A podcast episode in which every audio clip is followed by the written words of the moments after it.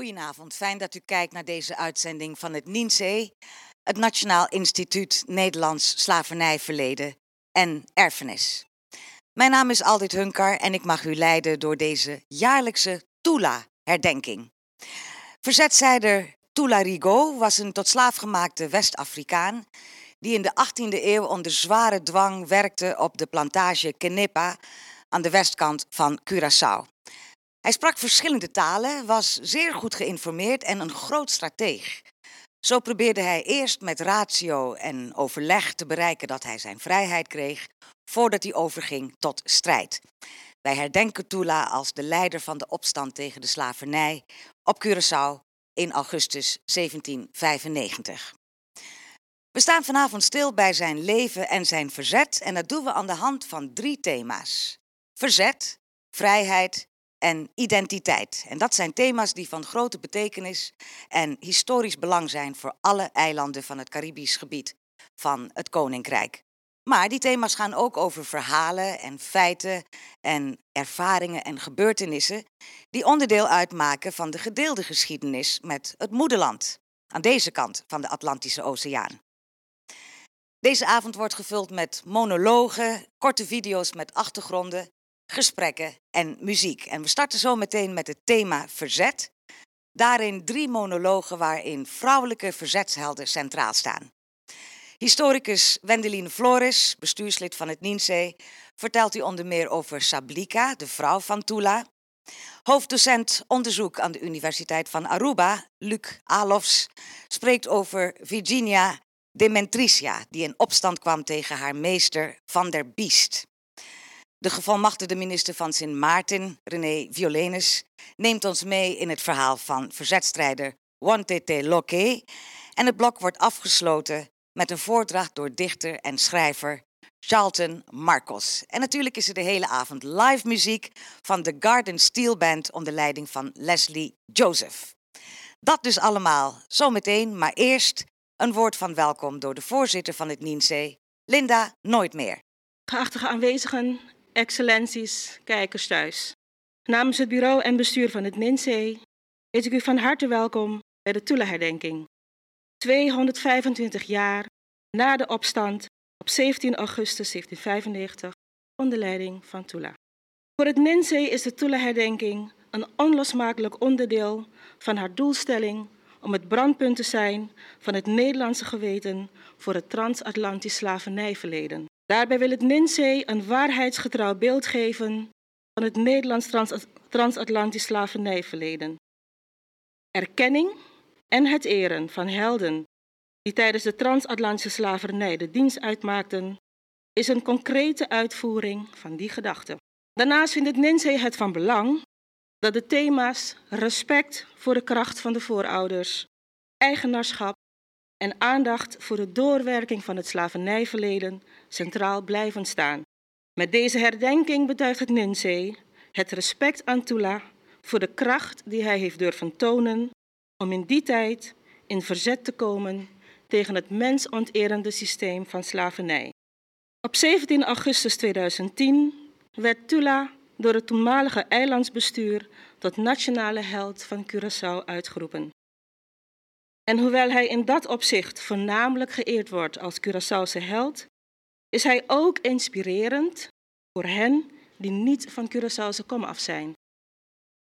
Zijn strijd voor gelijkheid, vrijheid en broederschap is namelijk een universele strijd. En ook nog in 2020 voor velen, maar voor mensen met Afrikaanse roet in het bijzonder heel erg actueel.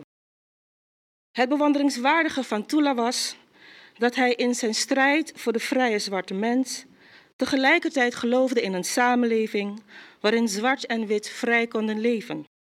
Hij richtte zich niet rugzichtloos op de witte mens en was dus niet uit op vergelding, maar hij wilde graag gerechtigheid.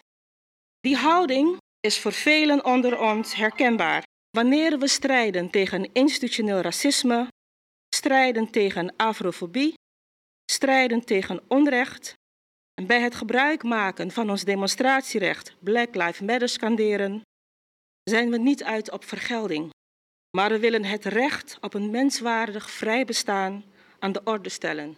niets meer en niets minder. Ook zijn strijd voor broederschap is nog steeds actueel. Door de transatlantische slavernij zijn de voorouders uit Afrika over verschillende gebieden in het Caribisch gebied verspreid. Curaçao, Aruba, Bonaire, Statia, Sint Maarten en Suriname. Wat wij nazaten vaak vergeten, is dat we ondanks die geografische verspreiding broeders en zusters van elkaar zijn. En in die zin is de strijd voor vrijheid en gelijkheid van mensen met in het bijzonder Afrikaanse roots een strijd van ons allen.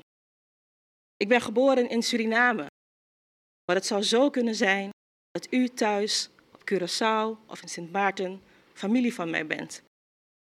Maar dat wij door de slavernij geen familie meer zijn, omdat de familiebanden zijn verbroken. Dat gezegd hebbende, doen we er dus goed aan om de saamhorigheid te bewaren. Alleen dan kunnen we recht doen aan de erfenis van Tula. Ik wens u een hele fijne avond en een fijne Tula-herdenking. Dank u wel.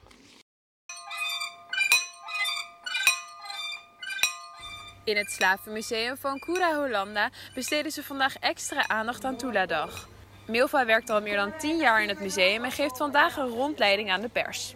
Volgens haar is het belangrijk dat we Tula, die de eerste slavenopstand in Curaçao leidde, niet vergeten. Tula, dat was een van onze helden geweest. Die wist wel naar voren te komen en die wist wel zijn mening te uiten. Zijn we niet dezelfde mensen als jullie? Waarom worden wij dus slecht behandeld? Ja, zelfs de dieren worden beter, beter behandeld dan wij. Ja? Wij komen toch van diezelfde God. Ja? Dus dat zijn de woorden van Tula. En dat maakt Tula echt een held. Hè? Dit maakt Tula toch iemand die niet zomaar iets zegt. Wat betekent Tula of Tula-dag voor Tula betekent alles voor iedereen. Voor alle mensen op Curaçao. Het is belangrijk dat we Tula herdenken. Omdat hij, hij is een man die eigenlijk voor ons vrijheid heeft, uh, heeft uh, gevochten. Hij was die persoon die begon met de strijd voor onze vrijheid. Die tot nu toe, we zijn nog steeds aan de vechten voor onze vrijheid. Milva vindt dat iedereen op Curaçao moet weten wie Tula is, ook de jongere generatie. De meeste jongeren, die weten niet wat Tula-dag is. Ja? Die hebben dat nooit gehoord, die hebben er nooit van geleerd. Misschien hier en daar wel op school, er wordt wel gezegd, het is een Tula-dag. Maar wat erachter zit met die Tula-dag, nee, dat is toch wel onbekend. Weet je wie Tula is? Nee, ik weet het niet. Wat is Tula-dag? Leidde de allereerste slavenopstand hier in Curaçao.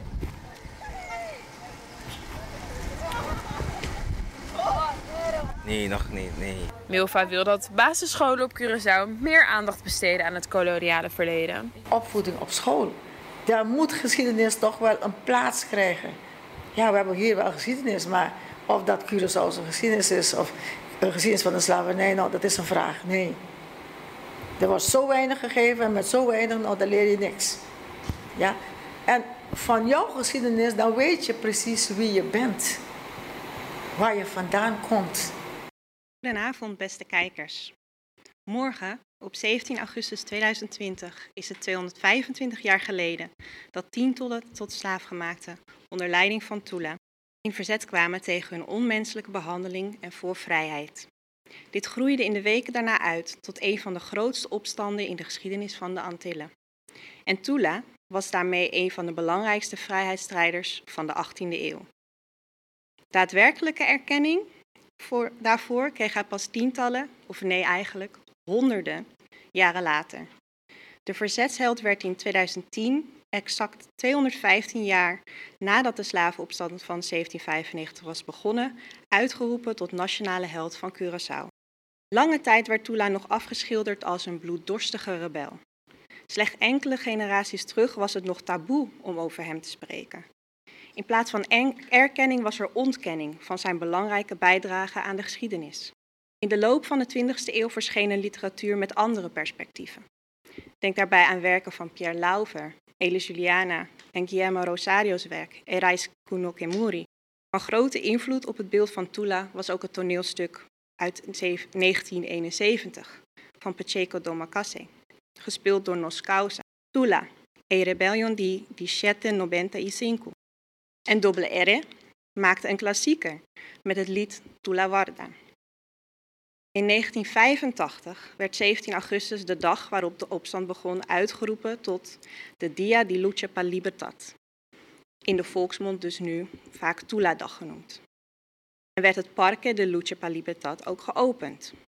Dertien jaren later volgde daar het monument des Encadena, ontketend. Monument dat u herkent in het campagnebeeld van deze avond. Een beeldengroep van kunstenaar Nel Simon. En in 2009 volgde het monument in de vorm van de zeven pilaren op Curaçao, met daarop een geheven vuist van kunstenaar Yubi Kirindongo. De zeven pilaren markeren de route van de slavenopstand. Gloria Lowe maakte een making-of documentaire van het monument des Encadena. Daarin zegt schrijver Frank Martinez Arion dat het monument een begin kan zijn van een helingproces. Een manier om het slavernijverleden zo te benaderen dat we allemaal kunnen zeggen dat we in een samenleving leven waar zoiets niet meer mogelijk is. Dat nazaten van tot slaafgemaakte en zeker ook nazaten van slavenhouders beide naar het moment kijken en diezelfde conclusie kunnen trekken. Standbeelden. De wereldwijde beeldenstorm van twee maanden geleden kan u niet ontgaan zijn. Hij liep samen op met de wereldwijde Black Lives Matter beweging. Verschillende standbeelden van historische figuren die verbonden zijn aan kolonialisme en slavernij werden neergehaald. Ook in ons koninkrijk leidde de discussie op. Actiegroepen spraken zich uit en ook in vele media werd daarover gesproken. Tijdschrift One World vroeg bijvoorbeeld aan verschillende mensen welke zwarte verzwetstrijders een standbeeld verdienen, in plaats van de problematische figuren waarvan we nu de standbeelden hebben. Directeur van NINSE, Erwin Vient, en historicus en schrijver Leo Balei droegen beide de verzetshelden Bonnie en Tula aan, om een standbeeld te verkrijgen in Nederland. Er zijn inmiddels in Nederlandse steden drie, drie straten naar Tula vernoemd, maar een standbeeld ontbreekt nog. Het zou kunnen bijdragen aan de bekendheid van Tula onder alle inwoners van ons koninkrijk. Schrijver en programmamaker Simone Zeefuik en onderzoeker, schrijver en educator Alfrida Martis droegen beide Sablika aan voor een standbeeld. Martis droeg overigens ook de Arubaanse Virginia Demetricia aan, maar over haar in een volgend programma onderdeel meer. Tegelijkertijd met een gebrek aan zwarte verzetstrijders is er gebrek aan vrouwelijke leiders in het straatbeeld en een gebrek aan historisch bewustzijn over de bijdrage van deze zwarte vrouwen. Sablika was tijdens de slavenopstand een medestander van Tula, maar haar bekendheid is nog zeer klein. Verschillende jonge zwarte vrouwen zijn echter vastberaden om hier verandering in te brengen. Vorig jaar nog werd de Tula-lezing verzorgd door gevolmachtigd minister van Curaçao, Anthony Begine, en door erfgoedprofessional op het gebied van inclusiviteit, multiperspectiviteit en museologie, Diona Bennett. En Bennett riep die avond onder andere op tot herwaardering van vrouwelijke heldinnen. Zij focuste op de representatie van Sablika, de vrouw die dus naar vermoeden samen met Tula had gestreden voor de vrijheid. Net als Tula heeft Sablika gecorrespondeerd met de Nederlandse pater Jacobus Schink. Schink was in 1795 door het koloniaal bestuur als bemiddelaar naar de verzetstrijders gestuurd. Hij uh, schreef de vrouwen aan om de mannen van het verzet in toom te houden. En Sablika antwoordde terug dat zij um, uit, de, uit de Mundi kwamen en daar ook eigenlijk het liefste zelf naar terug wilden. Iemand anders die Sablika in de schijnwerpers gezet een jaar eerder als rolmodel is Akisha Albert, Miss Universe Curaçao 2018. Haar nationale kostuum, genaamd Triumph of Sablika, stond voor de empowerment van vrouwen. Ze zei daar zelf over: There was an exceptional female figure who became part of this rebellion and who gave this battle an interesting twist Sablika. As a free woman, she gave her heart by fighting for freedom, unity and fraternity.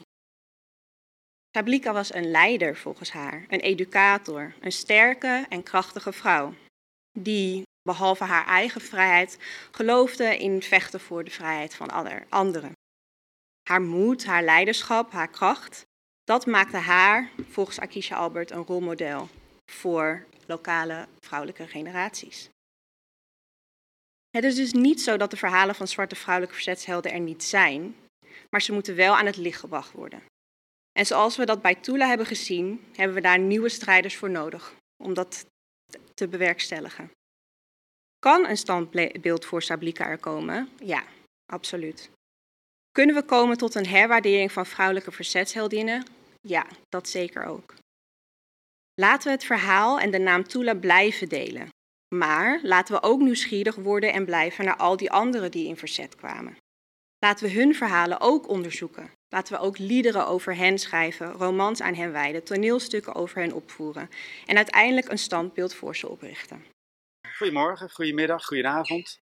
Uh, mijn naam is Luc Alofs, Universiteit van Aruba en ook werkzaam voor het project Traveling Caribbean Heritage, waarbij we onderzoek doen en cursussen geven over erfgoed, erfgoedbeleving, identiteit en dat soort zaken. Uh, in 1997 heb ik uh, mijn eerste boek over slavernij op Aruba geschreven.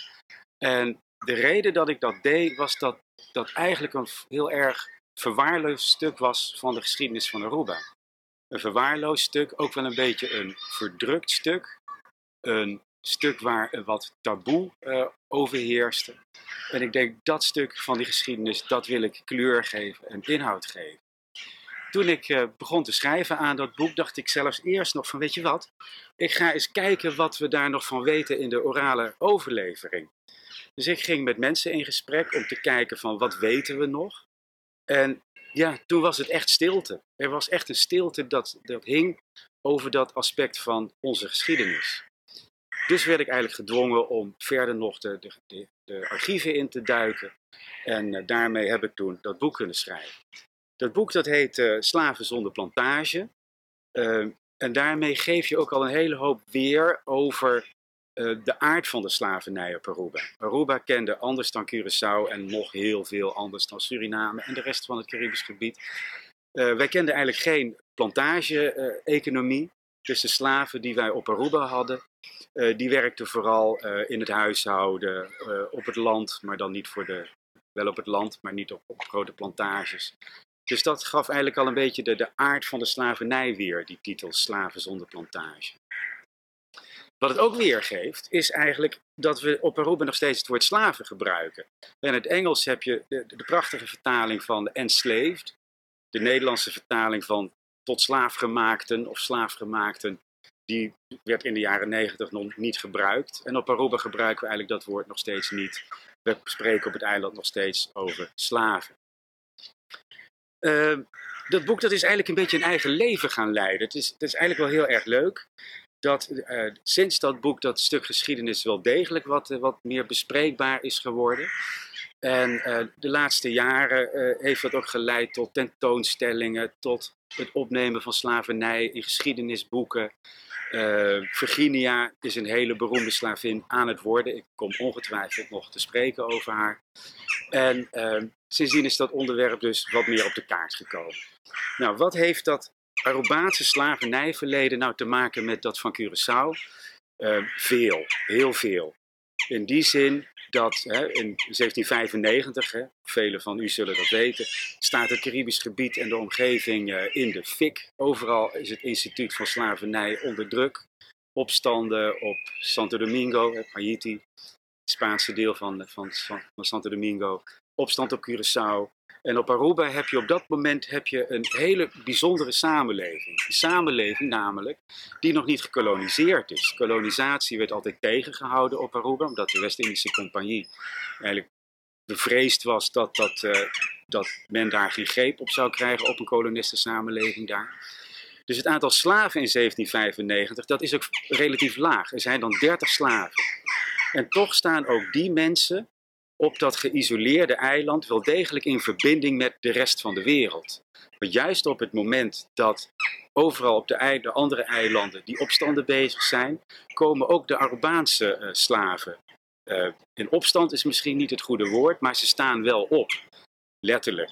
Eén slaaf, Tico heet hij, die stond op namens de slaven van Aruba en die ging naar de was het commandeur, denk ik, dat, ja, naar de commandeur. En die zei dat ook zij vrij wilde zijn. Dat was Tico. Tico uh, werd dat niet in dank afgenomen. Die is opgepakt. Die is uh, naar Curaçao uh, teruggestuurd. Daar kwamen de Arubaanse slaven vandaan. En is daar, ik geloof dat ze geprobeerd hebben om te verkopen, maar dat lukte niet. Dus Tico is eigenlijk een van de eerste slaven van Aruba die zich uitsprak tegen de slavernij. Wat ik zelf heel prettig vind, wat ik heel fijn en terecht vind, is dat er volgend jaar dan ook een straat in Rotterdam naar Tico genoemd gaat worden. Dat vind ik echt geweldig. Dat die zichtbaarheid van slavernij op Aruba weer wat, wat duidelijker wordt. Misschien nog wel meer in Nederland dan op Aruba.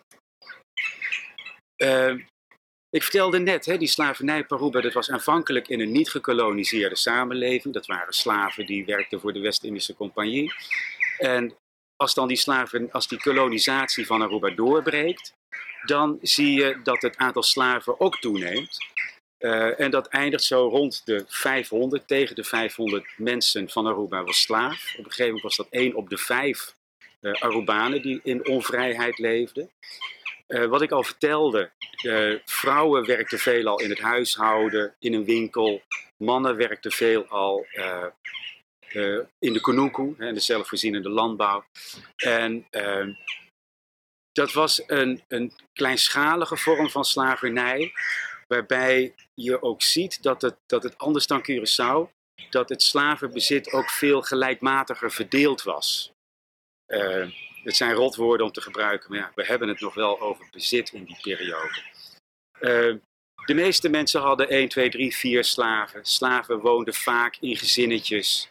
Uh, met elkaar. Het huwelijk was uiteraard niet toegestaan, maar men woonde wel samen met gezinnen. En één slavin die uh, bekend is geworden was Virginia. En Virginia is een beetje een, uh, is ook een beetje zo'n zo'n offshoot van dat hele boek geworden. van Virginia is bekend geworden hoe zij als 17-jarig meisje uh, steeds weer uh, rottigheid veroorzaakt. Dat kind was gewoon niet blij met haar leven.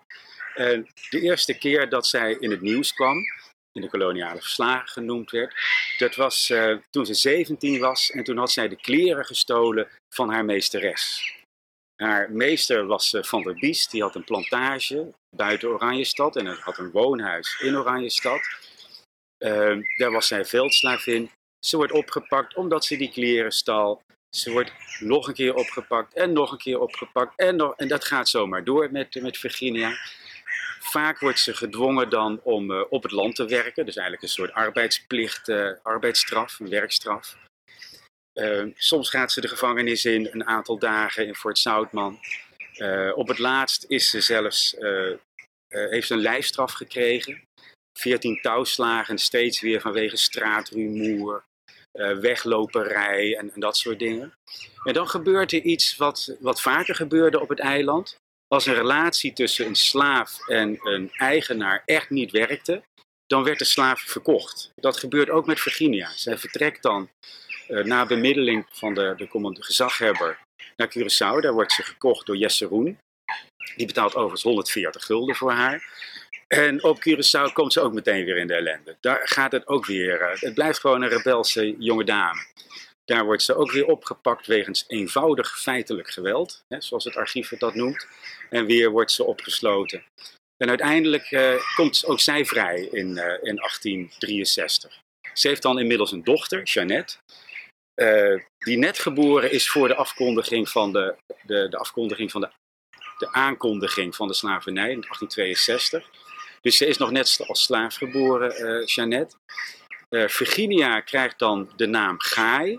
Haar dochter krijgt de naam Danja. En ze heeft later ook nog een zoon gekregen, Marcelino. En uh, daar weten we eigenlijk heel erg weinig van. En Virginia is eigenlijk zo'n voorbeeld van een, ja, de onbekende slavin.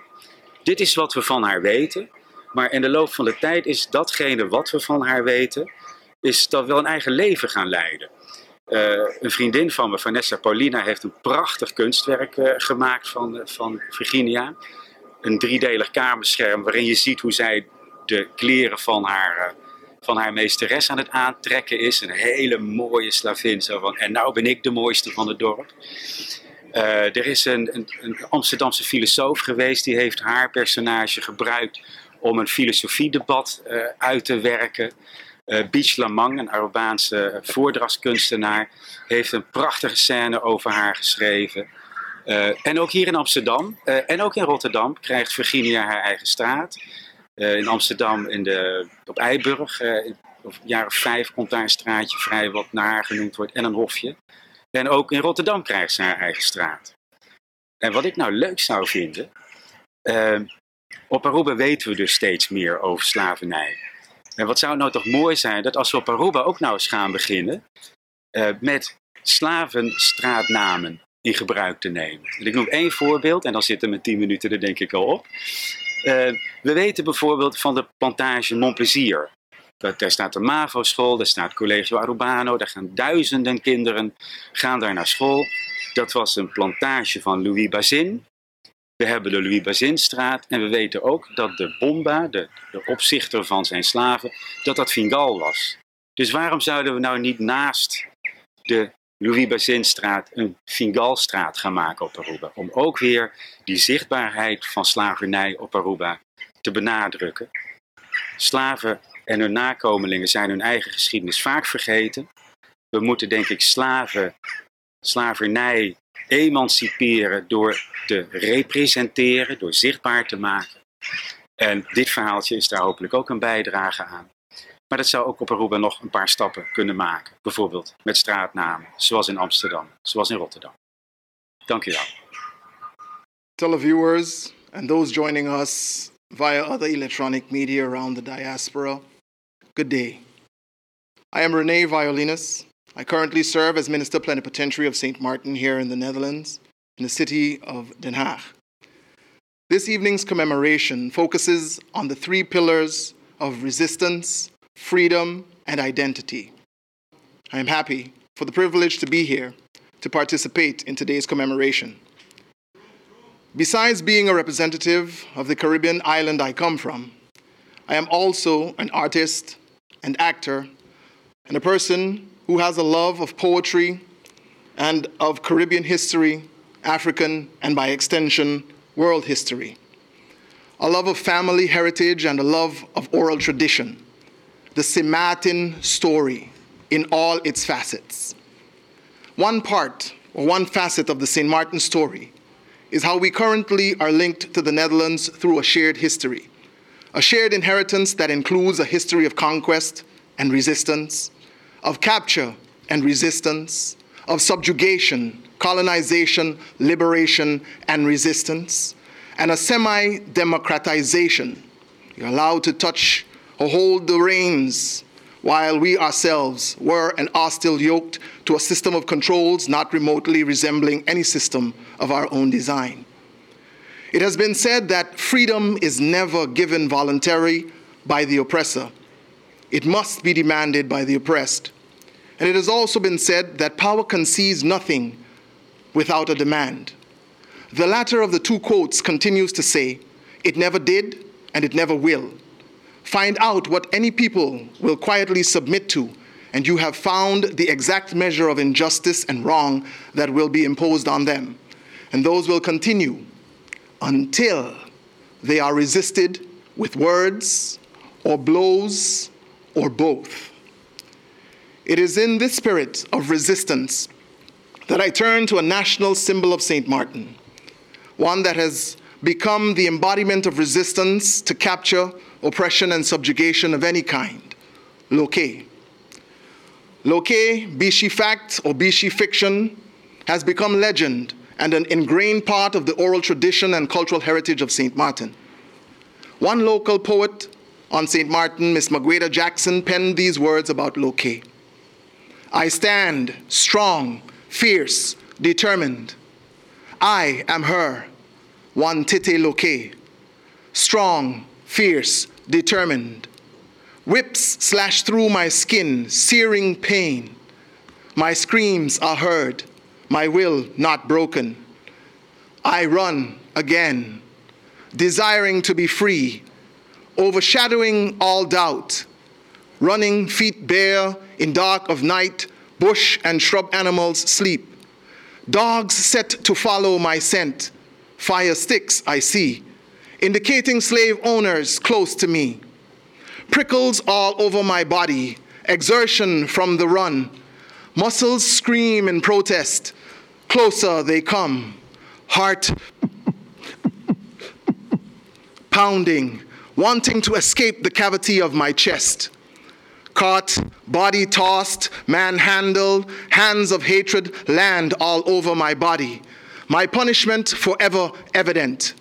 Clothes ripped, pinned down, naked in front of cold stairs, yet colder souls. Hard, dark objects glitter from flame. Every fiber of me wanting wings to flee before the searing pain took hold of me. A million fire ants of pain, anguish, screams, dark of night, terror unexplainable, inaudible moans, unconscious state. They took my left breast from me. I am her, one tete loke, earth herbs and love of family nurse me.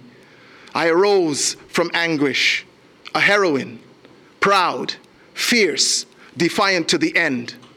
Because freedom beckons me and I run. I ran not looking back, only with a sash around my waist. Body and face smeared with lard, never to be recaptured. I am her, courageous, liberated, and free. I am symbol of pain to honor. I am symbol of fight to go on. I am symbol of emancipation. I am her, one tete loke. Her pain, her will, gave the power to run, run from oppression, far from the tyrant's whip. Her story gave and still gives fuel to be free, to be emancipated from slavery. In the seminal work, The National Symbols of St. Martin by House of Nehesi Publishers, we find the following story. There once was a woman enslaved on a plantation in St. Martin. Her name was Loke. She was a proud and brave woman. She defied the beastly evils of slave masters, overseers, and the injustices of the plantation. The memory of this maroon heroine has been protected from ob- oblivion by the uh, bosom of oral history and legend. Over a century after striking out for freedom, Loke emerges as a phoenix serving St. Martin's national and human destiny. Rebellious black women on Caribbean slave plantations were called Spitfires. In Lucille Mathurin's pioneer research of colonial records, rebel women are referred to as evil, lazy, violent, insolent, and incorrigible. Their punishment for talking back, refusing to work like beasts of burden, or running away was the same as the punishment dished out to enslaved men for fighting slave drivers and other aggressive acts against the barbarism of the European slave system. Black women were labeled as having an Amazonian cast of character. The punishment for defying slavery from Barbados to Martinique, from St. Martin to the Bahamas, from Cuba to Tobago, and throughout the Americas included flogging, being sold to another plantation, or off the island, body dismemberment, imprisonment for life, and death. Enslaved women commanded what one command, commandant in the colonial Trinidad called that powerful instrument of attack and defense, their tongue. Mathurin added that numerous slave women, in fact, showed little fear in their superiors, of their superiors, and did not hesitate to answer back. Spitfires were at the cutting edge of a tradition of personal defiance, work slowdowns, and sabotage. They led their sisters and children in joining with the, their men to plan and execute plantation burnings, revolts, and escapes from bondage. Loke was a Spitfire in the south of St. Martin. Her stand for human dignity made the life of drudgery intolerable.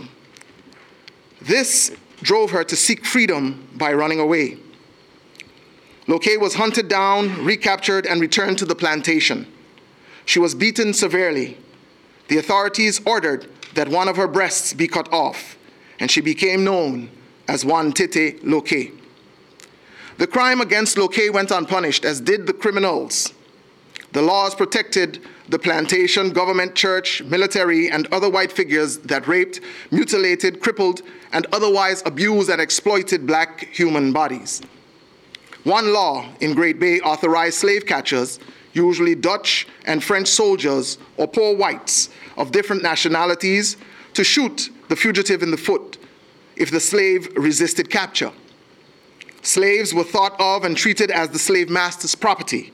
Therefore, murdering a rebellious slave was not as frequent as torture, mutilation, and imprisonment. Loke was tended by the plantation's bush doctor. Using the herbal medicines of St. Martin, Loke rose from her sickbed, uncowered and even more defiant to be free. She was warned that if her insolence persisted, the other breast would be ripped off of her body. In the rebel women in the British West Indies during slavery, the punishment got increasingly severe with each repeated offense. A slave threatened with punishment might also try to escape before the threat was carried out. One Titiloke ran away again. This time, the brave rebel remained free. When she went on the prowl or raids of the plantations in the southern part of St. Martin cul-de-sac for foods, goods, and visits, she wore only a sash around her waist and smeared her body with lard to prevent being wrestled to the ground and recaptured. Photographer and student of St. Martin's Proverbs, Wilfred Rameau, recalled his grandmother's admiration of how Wantete Loke lived freely in the hills. In the oral tradition, her temporary campfire could be seen some nights from the plantation mansions or shacks below. At dawn, as the enslaved were being herded out to field, smoke from Loke's night camp could be seen spiraling up to the heavens. Thus, she became a living legend. The name Wantete Loke is to be heralded by all St. Martiners and freedom loving people. Hers is a kindred spirit to Nanny of Jamaica, Queen Mary and Be- Bottom Belly of the Virgin Islands, Harriet Tubman of the USA, and other champions of freedom who burst the chains of slavery and dealt mortal blows to the plantation and its rulers. We, the cousins, nieces, nephews of Loke, will continue to show resilience. We will continue to resist tyranny and oppression in all of its forms. Thank you for your attention and enjoy the rest of the program. Van bandiet tot held. Tula. Vereren wij uw gedachtegoed of is het de trots die ons regeert? Tegen het barbaarse in en wat de wet van de tijd ons voorschreef, met kracht en de zwakte van de mens voor het leven tot de dood opvolgde, gevochten. Niet voor uzelf, maar voor ons allen. Niet voor eigen gewin. Zaaide u zodat wij vandaag mogen oogsten. U die gemaakt is tot een symbool van vrijheid, werd ooit tot een schandpaal veroordeeld door armoezaaiers. En het slaafgemaakte volk bedroog u met hun hypocriete lofzang.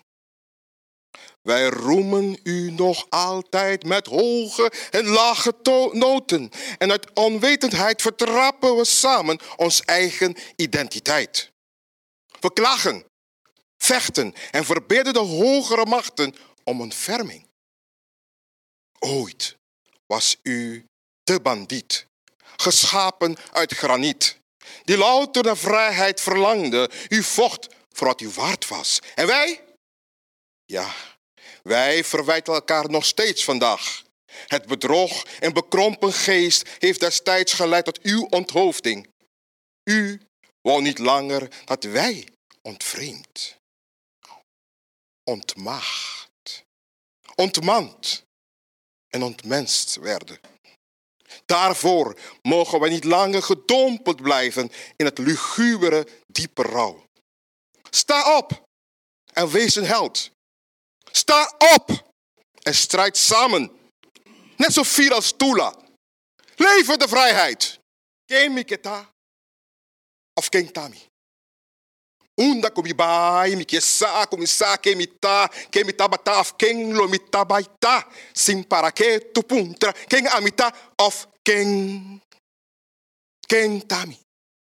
Mita perte mi atrás y naco orgullo. Drai mi mente manera sa drai sorteo di number. Blota heilu puntra. Tami tatula of tula tami. Nandi. Si, nandi kumita flojo, bruto. Kumita kinka besti bekesti botong. Kuma perde estrella di nord. Tamueco rom, unga dominó, paranda aqui aya só que dami. Si. Kaya di. Muchas estoy mula boboca. Kun men näin sal Peter apashima mi verstand. Kun ora luz paga mitä asta teima. Kun Luis brio. Pero si historia ta morto, a mi tambe ta morto. His historia ta bibu, a mi tambe ta bibu. Lanta para paisano, estoy así coi loco como alma, sacudí estof de mala suerte, quita fuego culpa. Van for moqueta y pone orgullo falso tras nos lomba. Sea valente, hombre y mujer. Sea valente. Banquita, trapa, riba carpata, que tapa nos wonan y laga. Así de pueblo, sí, así de pueblo, para un banda. Trapa, riba mi pilla, pa mi trapa, riba boca vez. Estoy ciega, otro con hipocresía, calumnia, mentira, sembrando rabia y antipatía. Voy pueblo manso. Van unijunto, preto com blanco, gordo y flaco, título sin título. Pone hachumbanda, pone haurumbanda. E puntramo mes. Ken tami y ken miketa. Thank you.